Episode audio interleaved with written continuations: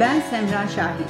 Biz merak ettik ve insan kimdir sorusuna takılıp bir podcast serisi yapmaya karar verdik. İnsanı diğer canlılardan ayıran özelliği aklını da aldı ve aklında kalsın temalı bir seri hazırladık.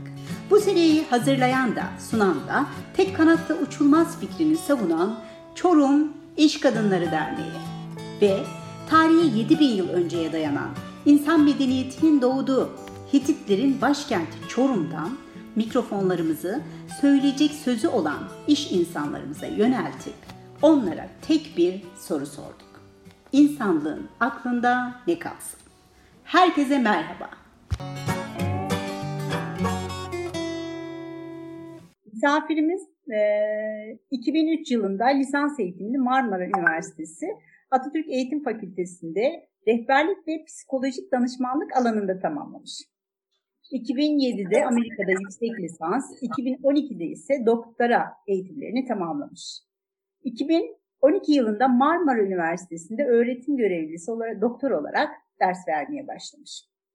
2018'de ise rehberlik ve psikolojik danışmanlık bilim alanında doçent olmuş ve halen aynı bölümde öğretim üyesi olarak da görev yapmakta.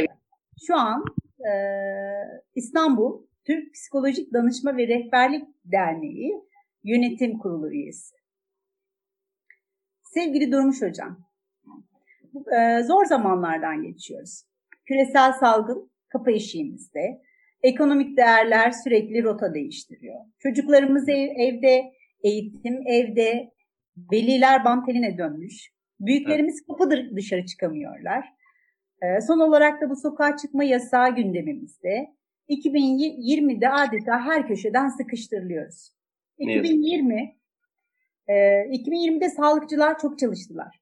Emniyet çok. Teşkilatı çok çalıştı. Bir de postacılar çok e, çalıştı. Benim postacı bir akrabam var. Oradan çok iyi biliyorum. Ama sanırım 2021'de piyango psikologlara e, ve pederecilere vuracak diye düşünüyorum. Öyle görünüyor. Bu süreçte e, bizlere ne tavsiye edersiniz? Bunun üzerinde konuşmak istiyoruz. Hepimiz burada bunu çok merak ediyoruz. Çünkü psikolojik dayanıklılık artık olmazsa olmaz e, hani bizim güçlendirmemiz gerektiğine inandığımız da bir kısım. Buraya geçeceğiz ama hocam e, biz e, Çorum İş Kadınları Derneği olarak e, aynı zamanda podcastler de çekiyoruz. Bu podcastlerimizde e, konuklarımıza iki tane soru soruyoruz. İlk sorumuz insanlığın aklında ne kalsın? Hı hı. Ee, sizce insanlığın aklında ne kalsın hocam? Peki, e, ben de öncelikle beni davet ettiğiniz için Çorum'a çok davet e, davetiniz için teşekkür etmekle başlamak isterim. İstanbul'dan herkese selamlarımı, sevgilerimi iletiyorum e, biyografiden ben o yılları kaldırayım yaşımız çıkıyor ortaya. Şu yılda orayı bitireyim. Aslında söylemeseydim evet iyi olurdu. Ama hocam siz verdiniz ve ben linkten sizin e, betimlemelerinizden aldım bunu. Oradan kaldırın. Evet yani oradan kaldırmak lazım. Espri yapıyorum ama takılmıyoruz. Yani artık bu anlar hakikaten şeye de bağlayacağım aslında. Bu akşam konuşacağımız konulardan birisi mizah anlayışı. Bu evet. psikolojik sağlamlığın çok önemli boyutlarından birisi. E, orada bağlayacağım. Tekrar çok teşekkür ediyorum Semir Hocama. E, iletişime geçti, yazıştık, çiziştik. Biraz yoğunluğumdan hemen dönemedim vesaire ama bir şekilde geldik bir araya. Bir araya. Çok teşekkür ediyorum tekrar davet ettiğiniz için. Şimdi tabii ki e, aslında o kadar çok şey yaşıyoruz ki eş zamanlı olarak. E, her biri ayrı bir akşam konuşmamız, her biri ayrı bir başlık altında ele almamız gereken bir konu. İşte sizin de takdir buyurduğunuz gibi e, sağlıkçıların durumu başka, postacının durumu başka, ev hanımlarının durumu başka, ekonomik süreçlerini yönetmeye çalışan, çalışan insanların durumu başka, velilerin durumu başka, anne baba olmakın yanında veli olmanın zorlukları çok bambaşka şu anda evden eğitim sürecinde. Öğrencinin, öğretmenin ya hayat topyekun hepimizi etkiledi. Yani e, bir sağdan tokat yiyoruz, bir soldan tokat yiyoruz ama bitmedi daha bu. Dolayısıyla aslında insanlığın aklına ne kaldı, ne kalmalı e, sorusuna ben şöyle bir giriş yapmak istiyorum. E, aslında biz e, sürecin içinden çıkmadık. Sizin de gayet güzel ifade ettiğiniz gibi 2021'de biz bunun toparlanması ile ilgili asıl çabaları sergileyeceğiz. Bu neye benziyor? Bu hep, hepimiz hayatımız boyunca hiç deneyimlemediğimiz bu jenerasyon hiç hayatı boyunca deneyimlemediği, yaşamadığı bir şeyi yaşıyor, yaşıyoruz. Ve hala da içindeyiz bunun. Yani uyum süreci diyoruz ya, daha uyum sürecini konuşmaya çok var. Daha bitmedi ki uyum sağlayalım. Yeniden dönmek çok zor olacak. Ee, bir parça hepimizi zorlayacak. Geçen e, bir arkadaşla görüntülü bir sohbet ediyoruz artık akademik hayatta da biliyorsunuz her şey online. Görüşemediğimiz için bazen bir toplantılar falan yapıyoruz. Keyif, sadece sohbet etmek için toplanıyoruz. Bundan da bahsedeceğim. Bunlar da çok önemli ve kıymetli şeyler. İlişkide kalabilmek çok önemli insanlarla bu süreçte. Fiziki olamadığımız için sanal ortamlardan olmak zorundayız. Ee, aynen şöyle bir cümle kurdum. Dedim ki e, acaba dedim o 100 kişilik, 150 kişilik minimum amfilerde yeniden öğrencilere ders anlatmaya başladığımızda eskisi gibi ders anlatabilecek miyiz? Eminim ki anlatamayacağız. Niye? Çünkü bir uyum süreci başlıyor. Yeniden başladığımız bir süreç. Ee, ve uzun süre tabii aklımızdan çıkmayacak bir sene olacak 2020 ve bir parça 2021'in de öyle olacağı öngörülüyor. En azından ilk çeyreği kesin. Belki yarısı öyle görülecek, e, yaşanacak. Dolayısıyla insanlık bundan çok şey öğrenmeli, çok ders çıkartmalıyız insan ilişkilerinin ne kadar önemli olduğunu, sevdiklerimize sarılmanın ne kadar kıymetli olduğunu, e, ihmal ettiğimiz sağlığımızın ne kadar önemli olduğunu e, görüyoruz. Ortaya çıkan bir sürü başka problemler var. Onlara da değineceğim. Aile içi ilişkiler. Benim uzmanlıklarım aile ve çift terapileri. E, çok uzun yıllardır çiftlerle ve ailelerle çalışıyorum. E, hiç olmadığı kadar çok doğru tespitiniz, hiç olmadığı kadar ilişki sorunları ve evlilik sorunlarıyla çalışmaya başladık son zamanlarda. Uzun süreli aynı evde kalmanın getirdiği bir takım su üstüne çıkartılan, fazlaca artık iletişimin bir arada olmanın getirmiş olduğu sorunlar söz konusu. Ee, inanın çok fazla insan e, bizlerin kapılarını aşındırıyor. Ee, ve bu tabii üzücü. Ee, evet bu bizim bir işimiz vesaire ama e, danışanlarımız ama aynı zamanda bu toplumun bir göstergesi. Eğer bu kadar çok sayıda danışan var ise bir şeyler yolunda gitmiyor. Görmek ve anlamak çok basit. Dolayısıyla e, bu günleri unutmayacağız, uzun süre unutmayacağız. Ve belki eğer iyi yönde kullanırsak bu unutmayacağımız, belleğimize aldığımız şeyleri bundan sonraki kısmı hayatımızın bundan sonra ne kadar kaldı hiçbirimiz bilmiyoruz ama var olan zamanımızı daha sağlıklı, daha kendi istediğimiz gibi sürdürmek için vesile olarak kullanmamız lazım. Çünkü kıymetini anladığımız şeyler çok fazla bir parça kendimden bir örnek verip belki ikinci sorumuza hemen geçelim. Uzatmadan çok çok konuşmak istedim. Hem de anlatmak istedim. Mesela e, hep insanlara soruyoruz vesaire ama e, ben ne fark ettim? Ona da bir küçük cümle verebilirim. Mesela benim en çok fark ettiğim şey e, tabiri caizse çok hızlı araba kullanıyormuş. Bunu metafor olarak kullanıyorum. Yani o kadar yoğun bir hayatım var ki, vardı ki daha doğrusu şey gibi düşünün bunu. Böyle direksiyonda 170, 180, 190 kilometre hızlı araba kullanırken sağınızda solunuzda hiçbir şey göremezsiniz ya. Öyle bir hayatım varmış. Durunca, yavaşlayınca hayatımın bir sürü güzel şeyini keşfettim. Ee, mesela hemen bir tane söyleyeyim. Çok güzel yemek yapabildiğimi ben bu yıl öğrendim. Bu kadar güzel yemek yapabildiğimi bilmiyordum. Çok şey öğrendim. Ee, birazdan konuşuruz. Eminim herkesin çok öğrendiği şey vardır ne e, neyi erteledik, neyi yitirdikten ziyade daha çok biz ne öğrendiğe odaklanacağız galiba bu süreçte ve aklımızda bunlar kalacak. Evet. Aklımızda odaklandıklarımız mı kalsın yani? Evet. Olumlu hocam. odaklandıklarımız, kazanımlarımız kalsın. Evet. Ee, diğer sorumuz hocam. İnsanlığın aklında hangi eser ya da hangi ezgi kalsın? Hangi? İlk, ilk cümleyi anlayamadım özür dilerim. Hangi eser veya hangi ezgi kalsın? E, bu çok göreceli. Yani herkesin etkilendiği şey çok bambaşkadır. E, mesela ben yine kendimden hareketli bir şey söyleyeceğim. Niye cümleye ben ve kendimden diye başlıyorum? Çünkü çok göreceli. Hepimizin etkilendiği şeyler çok bambaşka. E, mesela e, bir takım işte televizyon uygulamaları var biliyorsunuz.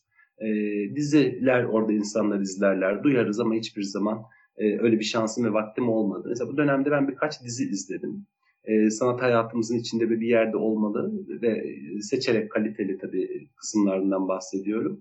Tabii benim de aklımda kalan bazı yeni kitaplar oldu, yeni e, diziler oldu.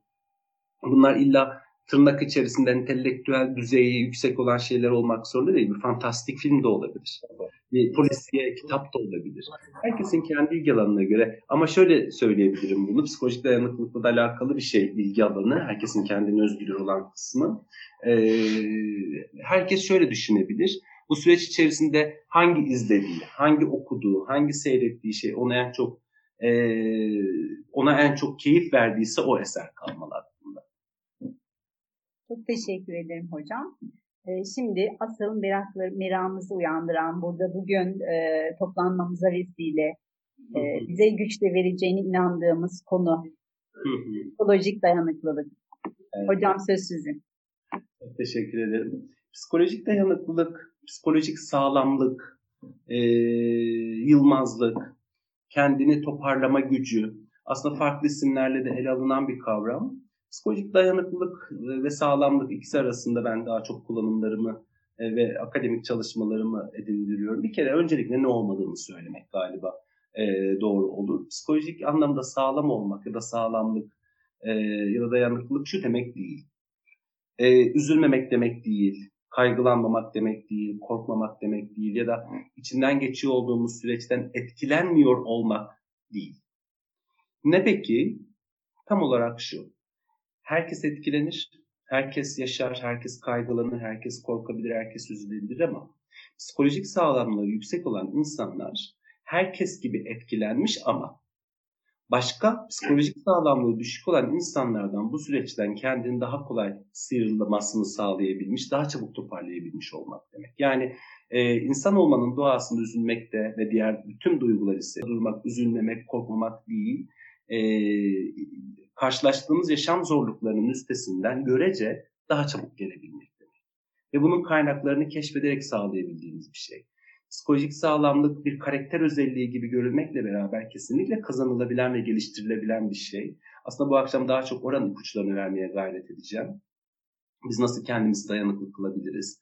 Ee, genel bir takım e, kaideler var. Psikolojik anlamda sağlıklı olmayı ve sağlam olmayı sağlayan bir takım herkese hitap eden kaideler var ama bir de kişiye özgü olanlar var. O kişiye özgü olan kısımlarda işte artık söyleşiye geçelim. Arkadaşlar, katılımcılar bir şeyler söylesinler isteyeceğim. Ben bir e, onların neler olduğuna dair örnekler verdikten sonra ve tabii soruları olan e, katılımcılarımız olursa da mutlaka sorularını da alacağım.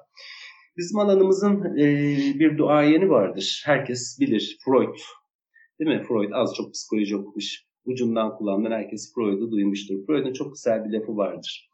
Der ki Freud, önemli değildir kaç kez yenildiğin, önemli olan kaç yenilgiden sonra yeniden doğrulabildiğindir der. Yani aynen öyle bir şey psikolojik sağlamlık. Ee, hepimiz şu anda yenik hissedebiliriz. İçinden geçtiğimiz süreçte zorlanıyor olabiliriz. Olabiliriz değil, zorlanıyoruz. Hepimizi zorlayan şeyler var. Ee, ama bunun üstesinden gelebilmek önemli olan ayakta durabilmek, yeniden kalkabilmek ki zaten siz bir e, doğru tanımlamazsam ne olur düzeltin e, bir sivil toplum kuruluşu, e, bir dernek gibi bir takım aslında bir görev içerisindesiniz. Ben de bir dernek üyesi olarak zannediyorum ortak bir platformumuz var. Hangisine giriyor çok bilmiyorum. Yanlış da tabir etmek istemem ama böyle bir gönüllü çalışmaların içerisinde yer aldığınızı tahmin ediyorum. Öyle değil mi hocam? Doğru, doğru. Gön, gönüllülük esasıyla kurulmuş olan bir derneğin e, içerisindeyiz. Heh, güzel. Şimdi bu çok çok önemli ve kıymetli bir şey. Yani e, hiçbirimiz hiçbir maddi çıkar gözetmeksizin ya da kişisel bir çıkar gözetmeksizin sizler de öyle. E, mesela bu akşam bunun için buradayız. Ve bunun dışında bir sürü şey yapıyoruz. Biz de dernek olarak Türk Psikolojik Danışmanlar Derneği olarak ki bizim yolumuzun kesişmesi de öyle oldu. Çorum Şubesi'yle de böyle bir etkinlik düzenledik biz.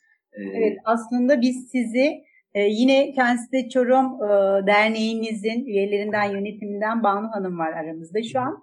Ee, Banu Hanım'ın aracılığıyla e, şu an biz bu söyleşide birlikteyiz.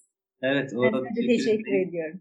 İhmal etmeyeyim ben de. Tabii telefonlaştık Banu Hanım'la o yoğunluk içerisinde atladım. E, kendisine de çok teşekkür ediyorum. Şimdi e, bizi sağlam kılan en önemli şeylerden bir tanesi bu. Ben doktora tezimde e, karşılık beklemeden yardım etmeye dair bir kavram olan özgecilik konusunu çalıştım. E, altruizm denilen özgecilik Türkçe'ye çevrilmesi. E, ve orada yaptığım bütün doktora tezimin sonucunu tek bir cümleyle şöyle özetleyebilirim size. İnsanlar karşılık beklemeden yardım ettiklerinde en çok mutlu oluyorlar. Yani nasıl mutlu olunurun bir araştırması gibi düşünecek olursanız e, cümlemi nasıl mutlu olunur? İnsanlar birçok şey mutlu eder. Ev mutlu eder, e, işte araba mutlu eder, para mutlu eder, aşk mutlu eder. Bunların tüm sıralamaların hepsinin üstünde manevi tatmin denilen, karşılık beklemeden yapılan yardımlar. İşte bu tür gönüllü çalışmalar var. Ne mutlu e, yönetici arkadaşlarımıza, sizlere böyle oluşumların içindeyiz. Çünkü bizim yaşlarımız, bizim yaşlarımızdan kastım katılımcılarımızda gördüğüm kadarıyla yani 20'li e, yaşlarından sonraki kısımlardan bahsediyorum. 20'li yaşların ortasından 60'lara kadar olan kısımdan bahsediyorum. Birçoğumuz zannediyorum oradayız.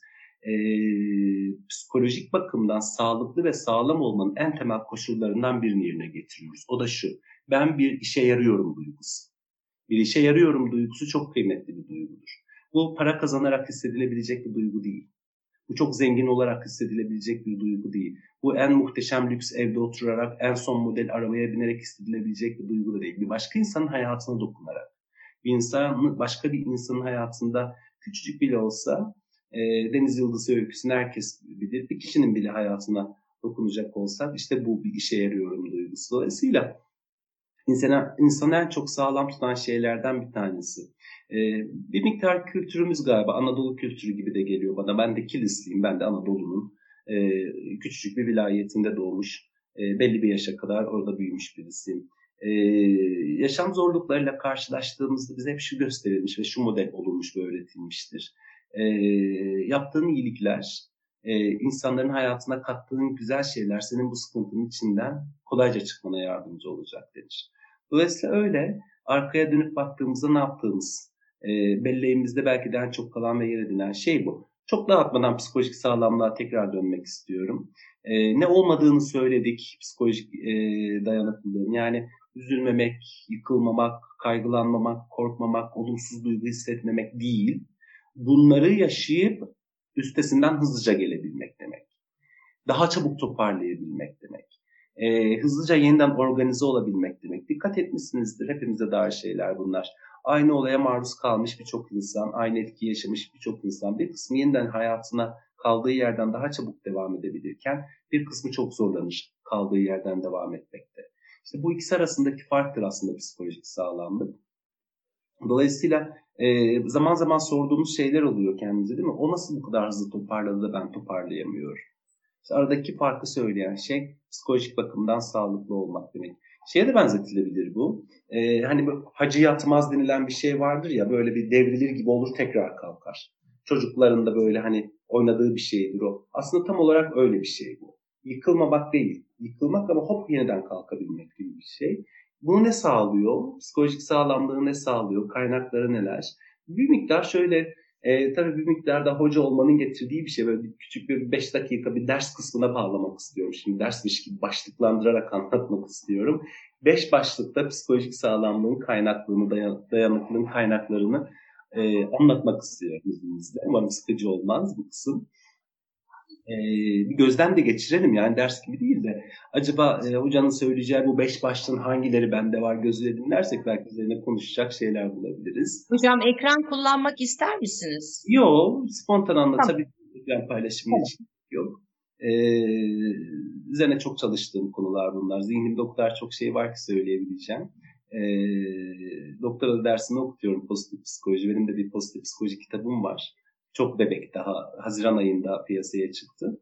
Dolayısıyla üzerine çok fazla okuma yaptım, araştırma yaptım konular bunlar.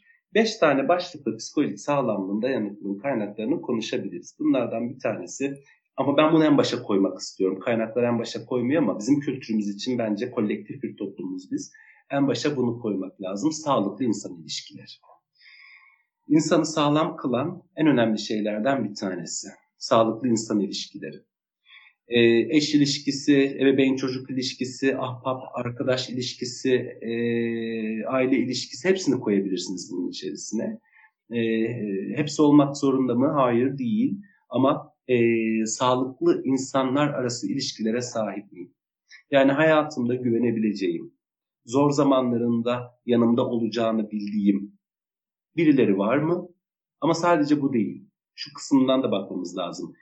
Bu çok daha kıymetli bir şey. Ben birilerinin az önce tanımladığım gibi hayatında böyle bir yere sahip miyim? Yani ben birisi, birileri, arkadaşım, dostum, aile bireyi dediğim herhangi birisinin zor zamanında aklına gelen kişilerden biri miyim? Güven duyacağı kişilerden biri miyim? Sırdaş diye gördüğü birisi miyim? Ee, bir sıkıntısını anlatabileceği tarzdan birisi miyim? Birinin hayatında böyle bir tanımlamam var mı? Buna iki yönlü bakmamız lazım. Benim hayatımda böyle birileri var mı? Ben birinin hayatında böyle bir fonksiyona sahip miyim? Cevap evet olduğunda psikolojik sağlamlığın en önemli kaidelerinden birine sahibiz demektir. Ee, gözlemlerim, klinik gözlemlerim, danışanlarımla terapi süreçlerinde kaydettiğim gözlemlerim uzun yıllardır, 17 yıldır aktif olarak danışanlarım var ve görüyorum. Ee, psikolojik sorunları daha çok kimler yaşıyor diye bana soracak olsanız bir sürü madde sayarım ama birinci sıraya şunu koyarım. Gerçekten sağlıklı kişiler arası ilişkileri olmayan, etrafında sırlarını anlatabilecekleri, etrafları, etraflarında zayıf yönlerini de anlatabilecekleri, etraflarında pişmanlıklarını da anlatabilecekleri, onları yargılamadan dinleyebilecek birileri yoksa o kişiler daha çok bizlere geliyor.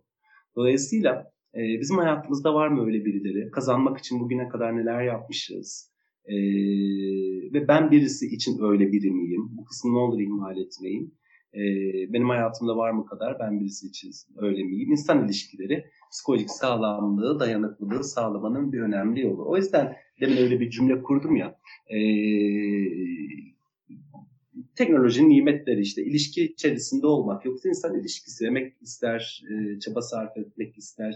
E, yapıyorum çok kıymetli, yakın e, hissettiğim dostlarımla, arkadaşlarımla, aile bireylerimle eminim sizler de yapıyorsunuzdur. Görüntülü konuşmalar değil mi? E, yapıyoruz, birbirimizi görmek istiyoruz. Çünkü fiziki olarak bir araya gelmek mümkün olmuyor veya e, riskli olabiliyor. E, mesela bu önemli bir kısım. Birincisi bu, çok uzatmadan e, hakikaten sağlıklı insanlar arası ilişkilere sahip miyim diye bakmak lazım. İkincisi bakış açımız çok önemli. Bazı insanlar daha kötümser, daha karamsar yerden bakarlar. Bazı insanlar daha iyimser, daha bardağın dolu olan kısmına bakmayı severler. Dolayısıyla çok basitçe kaynaklarını konuşabiliriz, e, yollarını konuşabiliriz. E, ama eğer iyi yönünü görebilen, buna da tabii ki polyanlacılık değil, buna da tabii ki kendini kandırmak değil ama hayatın iyi yönlerini görebilmekle ilgili bir şey. Mesela şu örneği çok rahatlıkla verebilirim. Şimdi evimin salonundayım. Hepimiz evimizdeyiz bu saatte tabii haliyle birçoğumuz öyle zannediyorum. Şimdi salonumun bu tarafına baktığımda bir duvar var. Ama sadece bir duvar orası. Bu tarafa bakarsam o duvarı görüyorum. Hiç iç açıcı bir şey yok bildiğiniz bir duvar. Ama bu tarafa dönüp baktığımda, şu anda akşam tabii diyeceğim şey çok olamayacak ama perdede bir miktar e, karanlık gösteriyor. Bir balkonum var. Balkonumda çok güzel çiçekler var. Balkonumun hemen altında ve karşısında bahçeli bir ev var. Onun bahçesinde sonbaharın o turuncu yapraklarının dökülmüş hali var. Ben bu masada otururken buraya bakmak da benim tercihim, oraya bakmak da benim kontrolümde ve tercihim. Nereden baktığım? bana iyi hissettiren bir şeye bakıyorsam yani hayatımdaki olumlu yönlere bakıyorsam baktığım kadar ee, o kadar iyimserim ve o kadar sağlamım. Şuna bağlayabilirim. Belki bunu düşünmek e, iyi de gelebilir. Yani çok derse bağlamadan, çok ahkam keser gibi ayrılmak istemeden. Herkesin hayatına belki küçük bir şey katarız bu akşam diye. E, mesela e, bizim o benim pozitif psikoloji diye bir kitabım var diye bahsettim. Orada çok başına böyle bahsettiğim bir şey var. Danışanlarıma da mutlaka sorduğum bir sorudur. İnsanlar bize biliyorsunuz ki problemlerle gelirler. Hayatlarının sorun kısımlarını anlatırlar, problem kısımlarını anlatırlar. Pek tabii ki doğru. Ama ben mutlaka daha ilk karşılaştığım seansımda danışanlarıma şu soruyu da yöneltirim. Size de yönelttiğimi düşünün ne olur bu soruyu. Hayatınızda evet istemediğiniz, sıkıntı olarak gördüğünüz, problem olarak gördüğünüz neler var bir sürü şey ama asıl sorum şu. Bunu mutlaka sorarım. Size de soruyorum. Peki hayatınızı bir gözden geçirdiğinizde yaşamınızı. İyi ki var dediğiniz, hayatımda bu şey iyi ki var dediğiniz, değişmesini istemediğiniz, var olduğu için memnun ve minnettar olduğunuz neler var? Buraya da odaklanabilmek. Anlatabiliyor muyum? Danışanlarımı da soruyorum. Evet siz bir problem durumuyla benim karşıma geldiniz. Bunun üzerine tabii ki çalışacağız. Bunun üzerine tabii ki konuşacağız ama ben sizin hayatınızın olumlu yönlerini de bir dinlemek isterim. Mesela evliliklerde, ilişkilerde yaşanan çatışmalarla daha çok çalışıyorum uzmanlık alanım olduğu için ama ben şu soruda yöneltirim çiftlere ve aile üyelerine karşıma geldiklerinde. Peki derim evliliğinizi ayakta tutan, eşinizde iyi ki var dediğiniz, evliliğinizde çocuğunuzda değişmesini istemediğiniz neler var? Bunu görebilen insanlar psikolojik bakımdan daha sağlam. Çünkü ee, baş parmağımdaki sorunla ilgilenmiyorum sadece. Diğer parmaklarımın sağlıklı olan kısımlarına da bakıyorum. Psikolojik bakımdan sağlam olmanın ikinci kaynağı bu bakış açısı. E, hep olumsuz üzerinden mi gidiyorum yoksa hayatımda e, şükür e, diye nitelendirebileceğim, iyi ki var diyebileceğim bir şeylere de sahip miyim?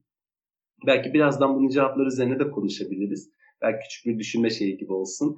Hayatınızı gözden geçirdiğinizde iyi ki var dediğiniz, e, değişmesini istemediğiniz neler var? Bunları görebiliyor musunuz? Ne sıklıkta görebiliyorsunuz? E, çok basit, belki çok ilginç de, e, basit ve ilginç gelebilir size. Ben şu tür ödevler veriyorum. Olumsuz bakış açısını daha fazla hayatına yansıtmış danışanlarıma. Bakın çok basit ödevler bunlar. Biz seanslarda ödevler de veriyoruz bu arada. Daha önce e, danışma terapi deneyimi olan arkadaşlarım bilirler. E, bu hafta diyorum sonraki seansa geldiğinizde soracağım size. Sadece kendiniz için ve sadece size iyi hissettirecek bir etkinlik yapmanızı istiyorum. Basitçe kendinize bir yerde kahve ısmarlamak da olabilir. Basitçe ihtiyacınız olmadığı halde sadece size keyif vereceği için bir kıyafet almak da olabilir. Kendinize hediye paketi yaptırarak almak gibi diyorum. Yani bunların hepsi çok iyi geliyor insanlara. Dolayısıyla ikinci kayda bu. Hayatımın ve kendimin sahip olduğu olumlu şeyleri görebiliyor muyum? Göremiyorsam biraz daha lütfen oraya odaklanalım. Duvar tarafına değil de bahçe tarafına bakıyor olmayı tercih edelim. Çünkü bizim kontrolümüzde. Bir diğeri e, enerji yönetimi diye ifade ediyorum bunu. Enerji yönetiminden kastım şu. E, iyi bir zaman planlayıcısı olmak. Hepimizin hayatında bir sürü şey var. Hepimizin hayatında bir sürü uğraş alanı var ve bunları gerçekten iyi organize edebiliyor muyum? Yaşamı iyi organize olmuş insanlar psikolojik bakımdan daha sağlamdırlar. Çünkü ne zaman ne yapacaklarını iyi bilirler. Katı kurallı planlı olmak, her an kontrolcü olmaktan asla bahsetmiyorum ama genel bir planlaması olmalı insanların. Niye gülümsediğimi söyleyeceğim. Bazen danışanlarıma da ilginç geliyor. Nerede telefonum? Ha. E, randevuyu e, planlarken alıyorlar telefonlarını. Hemen randevularını öyle yapıyorlar ama ben ne yapıyorum? Ben hemen ajandamı çıkartıyorum. 2021'de edindim gördüğünüz üzere. Ajandama yazıyorum. Ben öyle biraz eski usul gidiyorum. Biraz e, bilmiyorum o çok dijital işleri.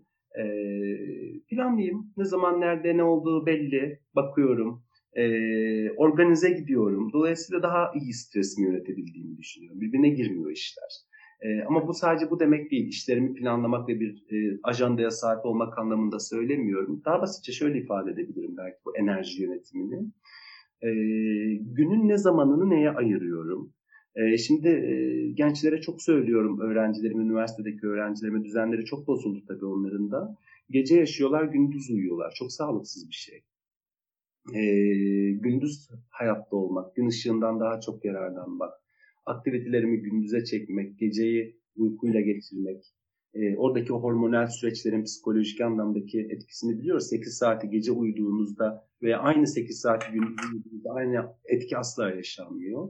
Dolayısıyla zamanı doğru yönetimde. Tüm bu zaman yönetiminin içerisinde muhakkak herkesin farklıdır miktarı e, görece tırnak içerisinde keyif alanları koyabilmek. Herkesin farklıdır. Birinin kitap okumaktır, birinin biriyle sohbet etmektir, birinin bir şeyle başka bir şeyle meşgul olmaktır, bir şey izlemektir. Ee, birazdan konuşuruz dediğim gibi herkes ne yapıyor bir sorarım. Ben ne yapıyorum dair örnekler verebilirim zamanı iyi yönetebilmek ve o yönetilen zamanın içerisinde mutlaka kendimizi ihmal etmeden durup keyif anları yaratabilmek.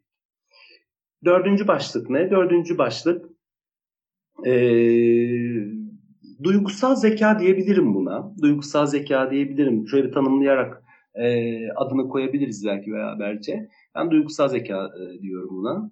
E, duyguları yaşamaya açık olmak.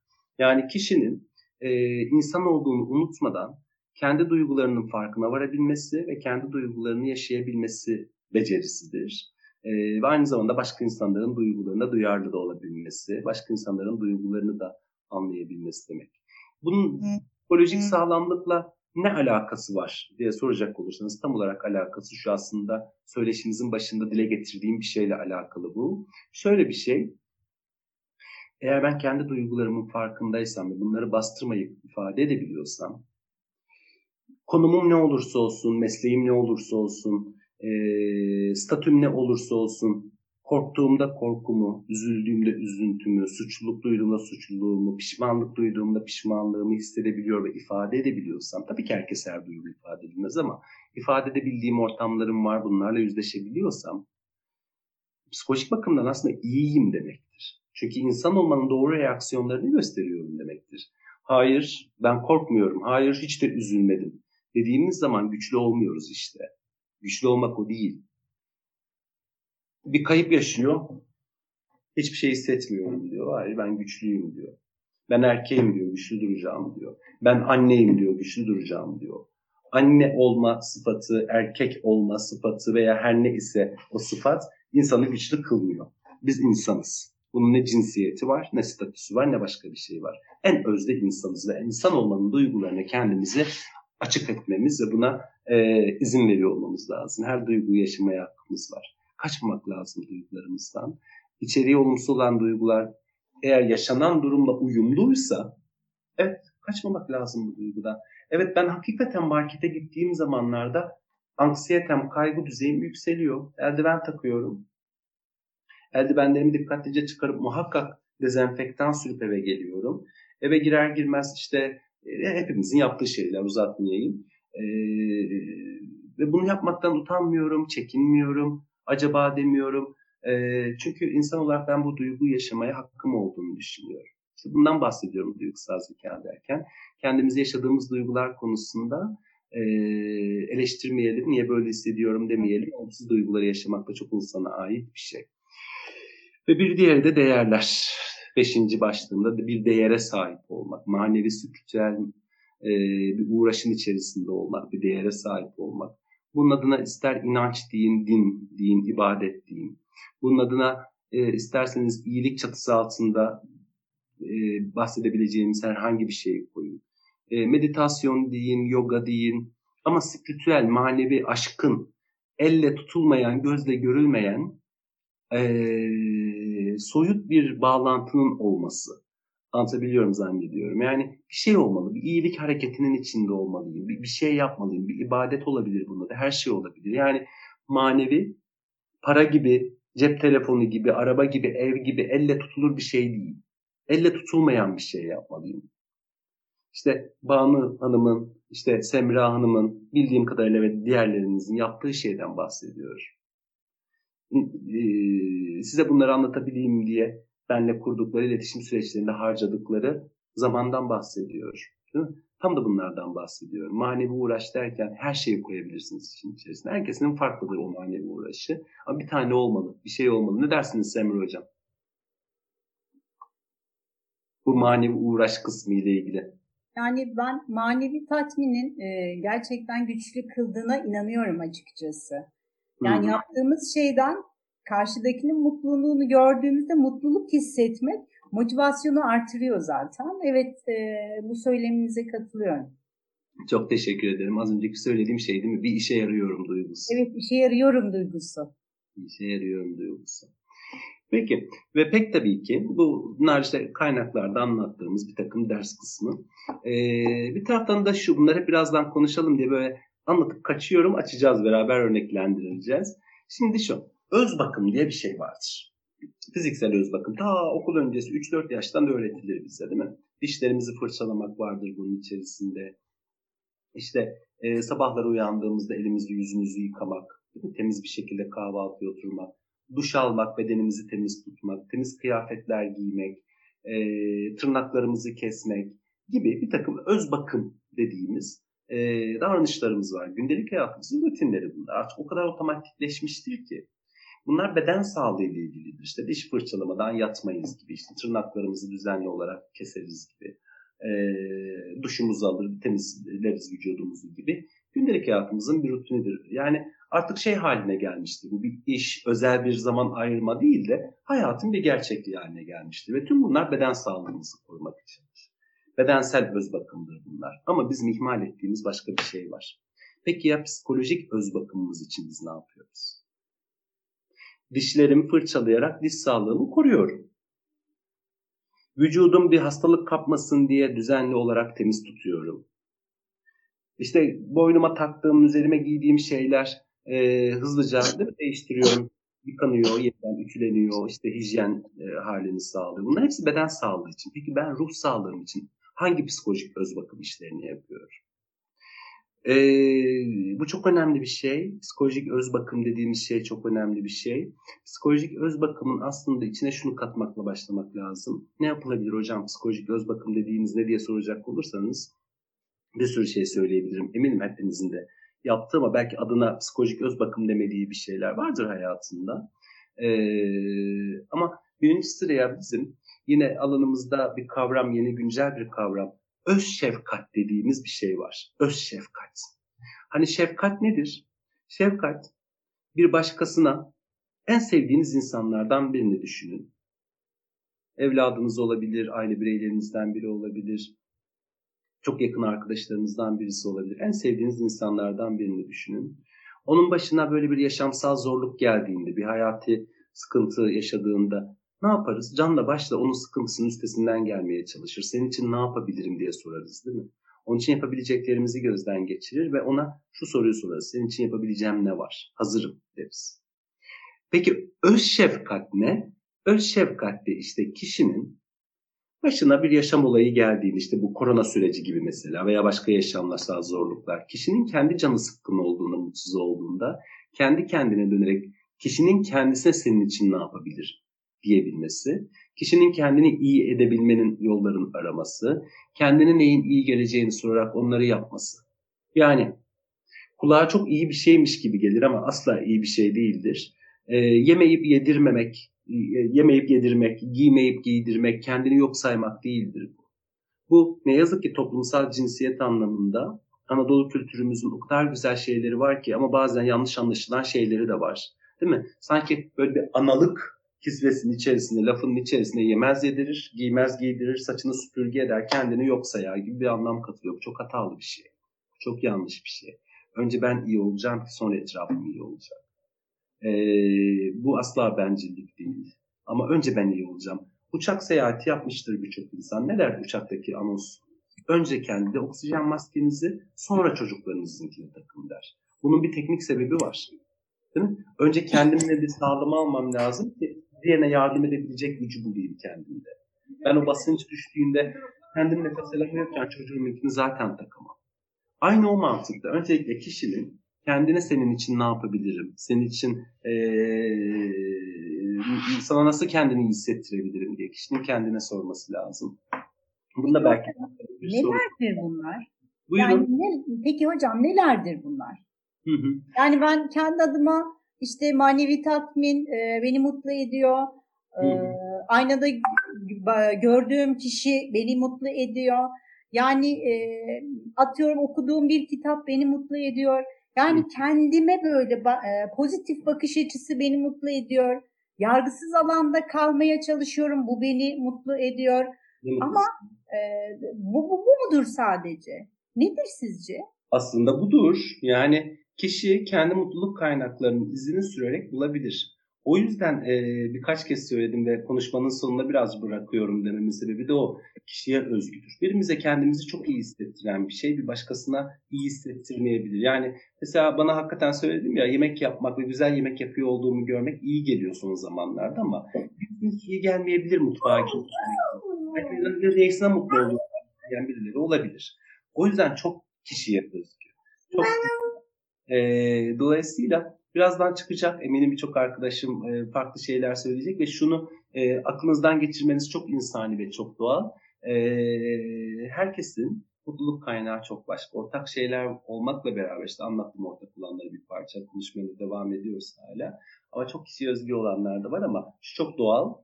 Birinin birazdan paylaşacağı bana çok iyi hissettiriyor kendimi dediği şey bir başkasına anlamsız gelecek. Bir başkasınınki diğerine anlamsız gelecek. Herkesinki kendine özgü. Ee, Hocam ben bir soru sorabilir miyim? Soruları Öz biraz şefkat. biti- ha, e, Ama öz şefkatle ilgili bir şey söyleyeceğim. peki buyurun. Yani şöyle bir şey öğrendim de e, açıkçası bilmiyordum.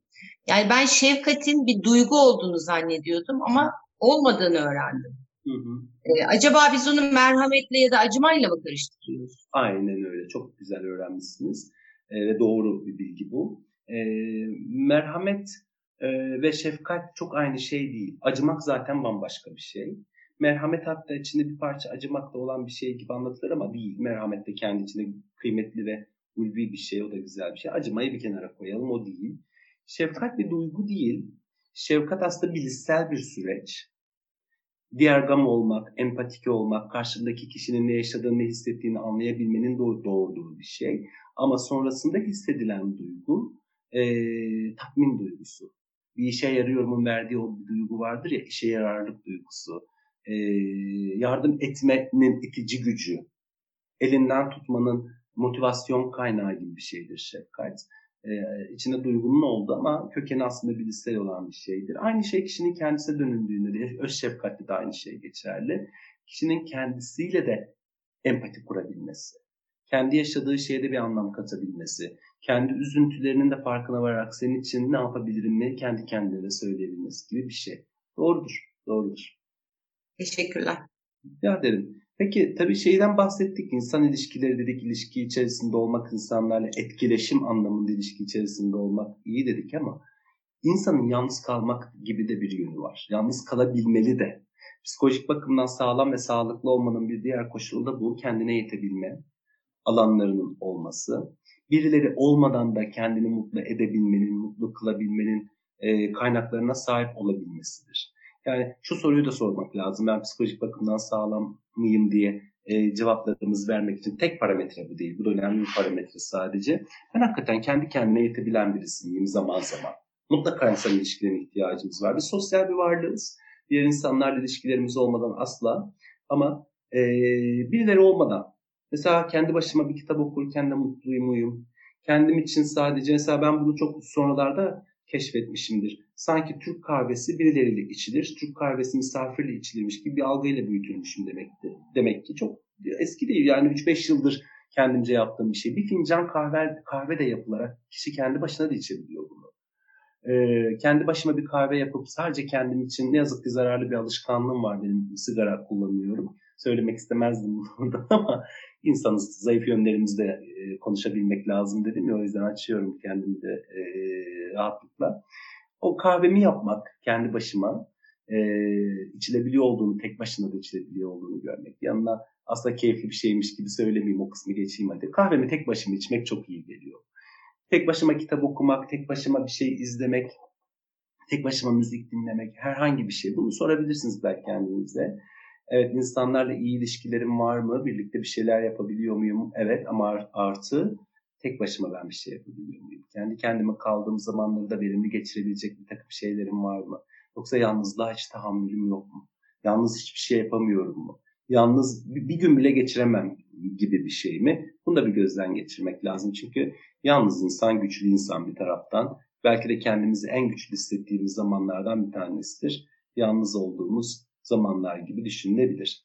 E, hepimize iyi gelecek yolu başka herkese göre ama sonucu herkese aynı yere götürecek bir şey ilgi alanları. Ne tür ilgilerimiz var? Hayatta yapmaktan İlgi ne demek? İlgi hiçbir baskı ve tesir altında kalmaksızın kişinin kendi özgür iradesiyle yaptığı, keyif aldığı şeyler demek. Birisi için işte halı saha maçına gitmektir, birisi için arkadaşlarıyla toplaşıp bir kahve, bir yerde sohbet etmektir, birisi için örgü örmektir, birisi için başka bir şeydir. Ee, hatta biz ona akış deriz. Akıştan kastım şu, hani şey anları vardır ya, hepimiz deneyimlemişizdir e, zamanın nasıl geçtiğini anlamadım dediğimiz anlar vardır. Bir şey yaparsınız ve o yaptığınız şey size ay zamanın nasıl geçtiğini anlamadım dedirtir. O anlardır işte ilgi dediğimiz şeyler. Bunlar hayatımızda ne kadar miktarda var. Ve ne olduğunu biliyor muyuz bizim?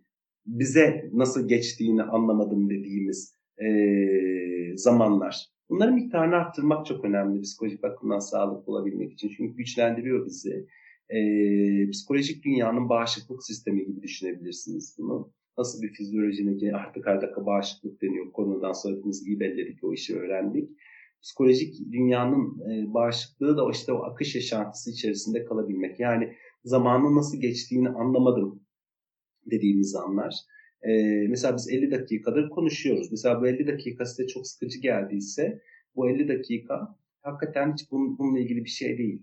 Ee, bu değil demek ki mutlu eden bir şey. Ama bu 50 Hocam, dakika... 50 dakika nasıl geçti anlamadım. ne mutlu bana. Umarım nezaketten değil. O kadar bilemedim ama. Birazdan sorarız. Kesinlikle nezaketten değil hocam. Gerçekten anlamadık. Çok teşekkür Nezaketten söylenmiyor. Çok teşekkür ederim. Bana da öyle geldi bu arada. Hakikaten hiç bu kadar kadına e, eş zamanlı bir söyleşi gerçekleştirmemiştim. Sağ olun enerjiniz çok iyi geldi. Hakikaten 49. dakikadayız bilgisayar saatinden bakıyorum. E, bu anlardan bahsediyorum. Çünkü bir başka araştırma sonucu söylüyor ki insanların kendine gene en mutlu hissettiği ve mutluluğu süreyen hale getiren şeylerden bir tanesi de yeni şeyler öğrenmek, yeni insanlarla tanışmak, yeni yerler keşfetmek. Yani alışıldığın dışında, rutinin dışında yeni olan bir takım uyaranlara maruz kalmak. Belki de bu e, ben ve siz karşılıklı olarak kavram e, yeni olarak kullanabilirim. Yeniyiz. İlk kez benle karşılaşıyorsunuz, ben ilk kez sizle karşılaşıyorum. Hatta birazdan e, konuşuyor olacağız. E, belki daha da keyifli hale gelecek. E, bak bir katılımcımız diyor ki 20 dakika olmuştur belki diye baktım 50 dakika olmuş diyor. İşte bu anlardan bahsediyorum. Bazen örgü örerken olur bu değil mi? Bazen işte kitap okurken olur. Bazen bir film ok- e, izlerken olur. Bunların hayatımızdaki miktarını arttıralım değerli katılımcılar. Yani hakikaten e, ne kadar çok varsa zaman nasıl geçtiğini anlamadım dediğimiz zamanlar o kadar daha sağlam oluyoruz. İlgi alanlarımızı bu anlamda geliştirmek çok önemli. Geldim tam da sizin yaptığınız şeye. Benim sizden öğrenmem gereken bir şeye. Hepimiz üretiyoruz hayatın içinde ama özellikle dikkat çekmeye çalıştığım için cümleye öyle girdim. Üretmek.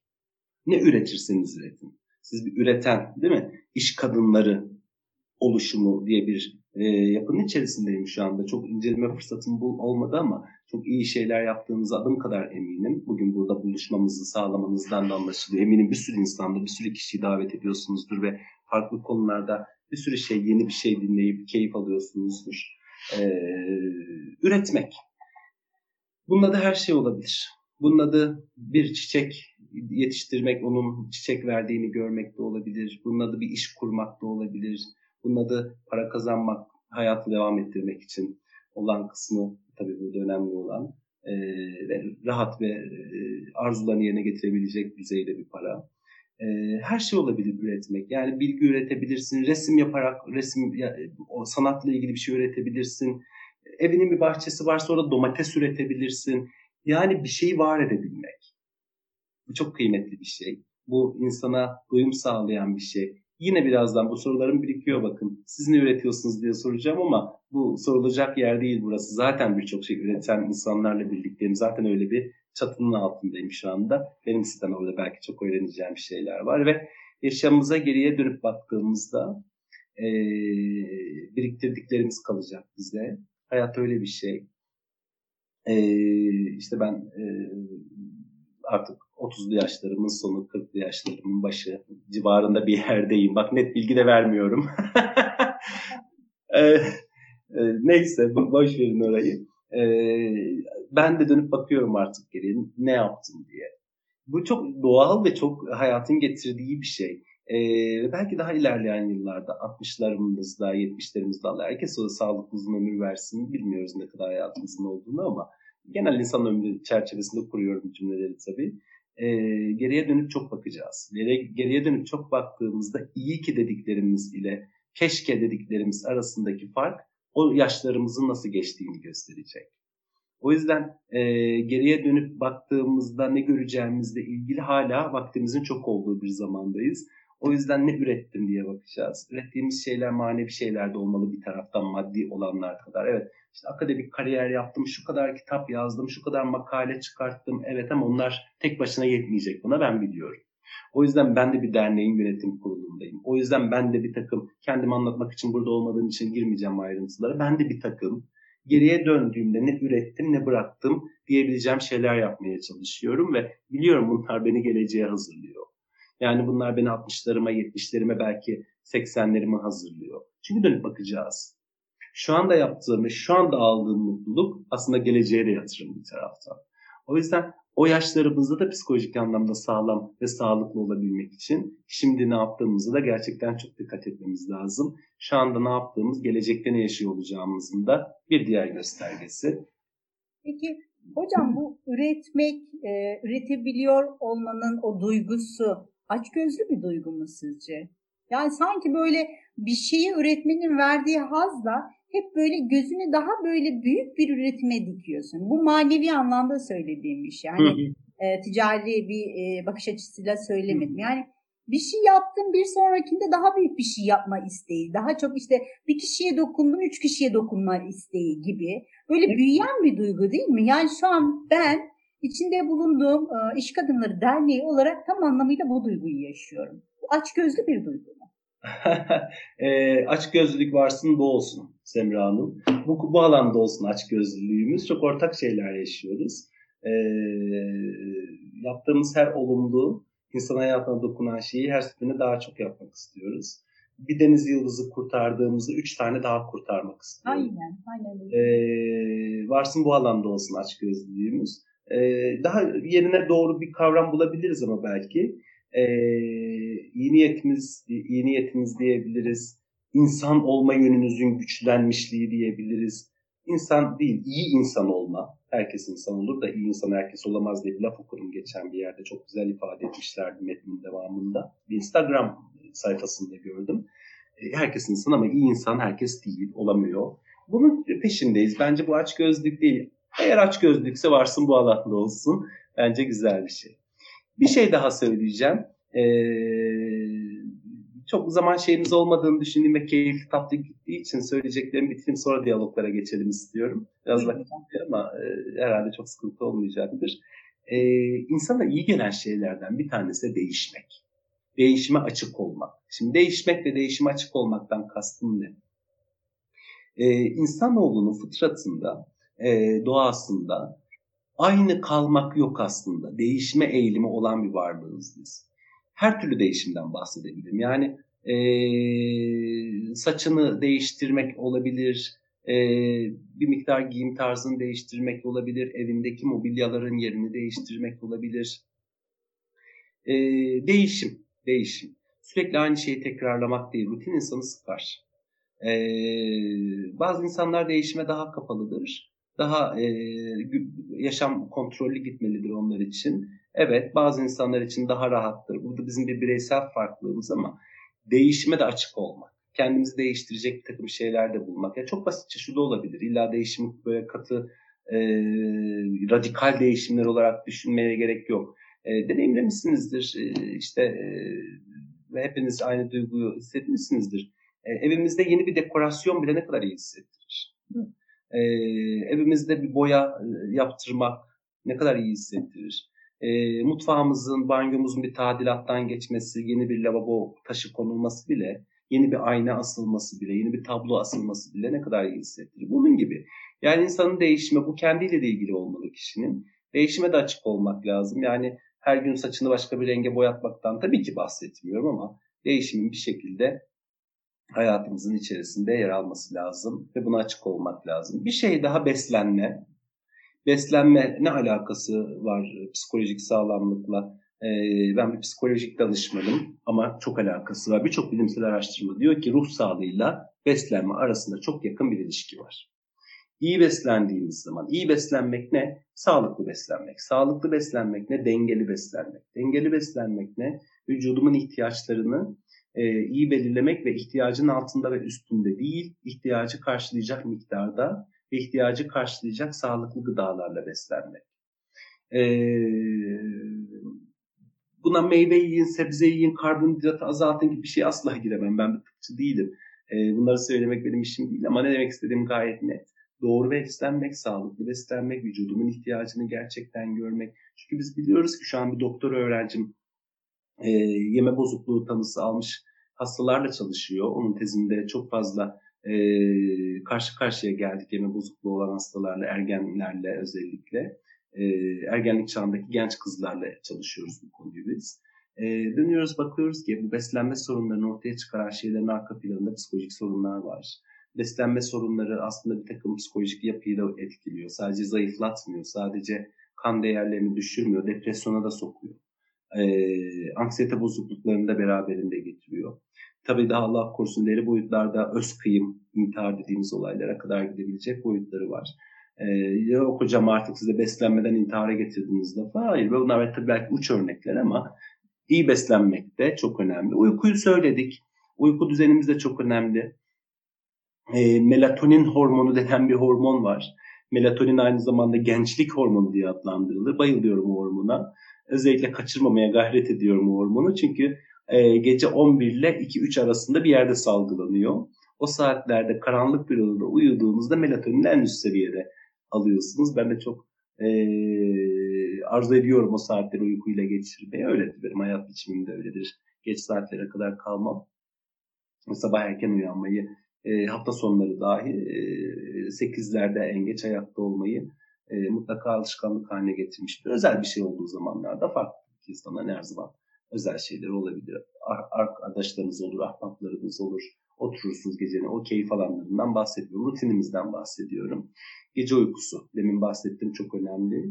İyi uyumak çok önemli. Bunun beden sağlığı, bağışıklık anlatıyorlar televizyonlarda izliyoruz koronadan dolayı. Bunun psikolojik sağlamlıkla da çok yakından ilgisi var. İyi uyumuş olmak, o hormonal dengeyi sağlamış olmak, bunu düzenlemekte yarar var. Sadeleşmek çok önemli. Hayatımızda e, sadeleşmek, eşyayı azaltmak, e, cepheleri azaltmak. E, evet çok şeyle uğraşıyoruz. Hepimizin hayatında çok şey var ama mümkün olduğu kadar sada, sadeleşerek gitmek, sade hayat, minimalizm dedikleri bir şey var ya o çok ne yazık ki hepimizin tam anlamıyla kavrayabildiği bir şey değil. Ben de dahil olmak üzere ama sadeleşmek de insana iyi geliyor. Ne kadar az şeyle e, mücadele edersek o kadar herhalde e, az canımız sıkılır. Daha çok gülümsemek, daha çok gülümseyebileceğimiz insan ve aktivitelerin içinde yer almak, bize tebessüm ettirecek, gülümsetecek e, insanların sayısını hayatımızda arttırmak, aktivitelerin sayısını arttırmak. Yani şu gülümseme, şu tebessümü hayatımızda, günümüzün her, her günümüzde olmalı. Her gün mutlaka insan gülmeli, gülümsemeli, tebessüm etmeli ve bunu e, kendinden kaynaklanan e, kaynaklarla yapabileceği kadar uğraşlarıyla, insanlarıyla da yapar insan. Dolayısıyla o tebessümü hangi anlarda daha çok yüzümde görüyorum da izin sürün ne olur. Ve daha çok gülümsemeye de zaman ayırmak lazım. E, ertelememek çok önemli tabii hayatı. E, sonra yaparımlar, sonra hiçbirimiz bilmiyoruz. E, sonralardan hiçbirimiz haberdar değiliz. E, sonra yaparım dediğimiz şeyleri mümkün olduğu kadar şimdi yapalım. E, son cümlelerim artık beraber konuşalım istiyorum. Sorular varsa alayım, katkılar varsa alayım istiyorum. E, hepimizin bildiği bir şey ama e, hayatımıza e, entegre edebildik diye bir sormak lazım. Yani e, sadece misafirlere çıkardığımız takımlar, yemek takımları, önce kendimize çıkartmamız lazım onları. Özel günlerde giyerim sadece dediğimiz kıyafetler, önce kendimiz için giymemiz lazım onları. Ertelemek. E, hala benim annemin evinde bir misafir odası var. Hala sadece misafirler geldiği zaman bayramdan bayrama açılan bir misafir odası. Harika koltukları, en rahat koltuklar onlar. En keyifli oda orası. Ee, ama en az zaman geçirilen yer orası. Ve annem artık 65 yaşında. Ee, ve hala orası kilitli. Torunlar girmesin aman bir şey olmasın diyor. Ama en çok orada zaman geçirmeli bence artık. Ee, ve öyle olmalıydı öteden beri. Ee, dediğim gibi ertelememek. Ee, sonra giyerim, sonra alırım, sonra yaparım, sonra otururum, sonra değil. Mümkün ve imkanlarım uygun ise ve şimdi eğer uygunsa bunlar, mümkün olduğu kadar bunların hepsi e, kişiye göre değişir. Şimdi yapmak ve hayatı ertelememek galiba bunlar çok önemli şeyler. Çok konuşacak şey var ama e, belki şu soruyla başlanabilir. Sizin bana soracağınız sorular var, var ama benim sorduğum sorulardan belki birinin cevabıyla başlayabiliriz. Yazabilirsiniz ama mikrofon açarak konuşursanız bu beni daha çok memnun eder. E, siz Peki hayatınızda size iyi hissettirecek e, neleri fark ettiniz ve yapmaya devam ediyorsunuz? Size ne iyi geliyor bu sürecin içerisinde? Alabilir miyim birkaç bir şey? Mesela Banu Hanım'la başlasak mı? Evet. Uygunsa tabii böyle biraz bir, birilerinin başlaması lazım diğerleri için. Buyurun Banu Hanım. Ben oldum. Merhabalar e, bütün arkadaşlarım hocam size. E, Bana biraz önce siz e, telefondaydınız. Biz şöyle küçük bir monolog yaptık aramızda. E, Şey çok iyi geliyor bu pandemi döneminde. E, Kendime eğitmek, e, bunu faydaya çevirmek bu pandemi dönemini. E. Çünkü çalışma hayatı içerisinde günlük hayatımızın içerisindeki koşuşturmalarımızda e, kitap okumalarımızı yapıyoruz ama eğitimlere katılmak için şehir değiştirmek gerekiyor. Şimdi Hı. düşünsenize benim sizin eğitiminize katılmak için bir hafta sonu İstanbul'da geçirmem gerekecek en Evet. iyi ihtimalle. E, ama bu Zoom'la e, şu anda benim salonumdan misafirimsiniz. E, bu çok güzel bir şey E, ve duygu da katıyor. Yani insan Evet. duygudaşlık da hissediyor. E, ben e, biraz önce Özşevkat'la ilgili e, siz bizi bilgilendirirken e, niyeyse aklıma Aşık Veysel geldi hocam. Öyle mi? Ne, ne- Aşık Veysel'in bir hikayesi vardır. E, yanılmıyorsam Aşık Veysel diye hatırlıyorum. E, eşinin bir başkasıyla kaçacağını hisseder e, ve e, onu kabullenmiştir. E, gideceğini anlar ve ayakkabısının içerisine para saklar. Olur ya, başına bir şey gelirse o parayı bulsun da e, kendine e, bakabilsin. E, ben burada e, Aşık Veysel'in psikolojik sağlamlığını görüyorum. Türkülerinde de görüyorum tabii ki bestelerinde de. E, niyeyse o birden o çağrıştı. E, ve şunu hissediyorum. Ee, bir şeyi kabul edebilmek, bir kabul var orada Aşık Veysel'de ve e, o kabulden sonra da karşısında onu bırakıp gidecek eşine hala bir faydalı olma çabası Evet. var. Herhalde buna diyebilir miyiz psikolojik sağlamlık? Buna da diyebiliriz. Olgunluk diyebiliriz. Hı. E, aşmışlık diyebiliriz. İşte aşkınlık dediğim şey bu. E, dar sınırlar içerisinde değil. Çok bambaşka bir perspektiften bakabilmek demek. Ne güzel. Çok güzel bir keyifli bir paylaşım. oldu. Bilmediğim bir kısladan hisseydi bu da. E, kullanırım ben de bunu uygun yerlerde. Çok teşekkür ederim paylaşım. Çok teşekkür ederim.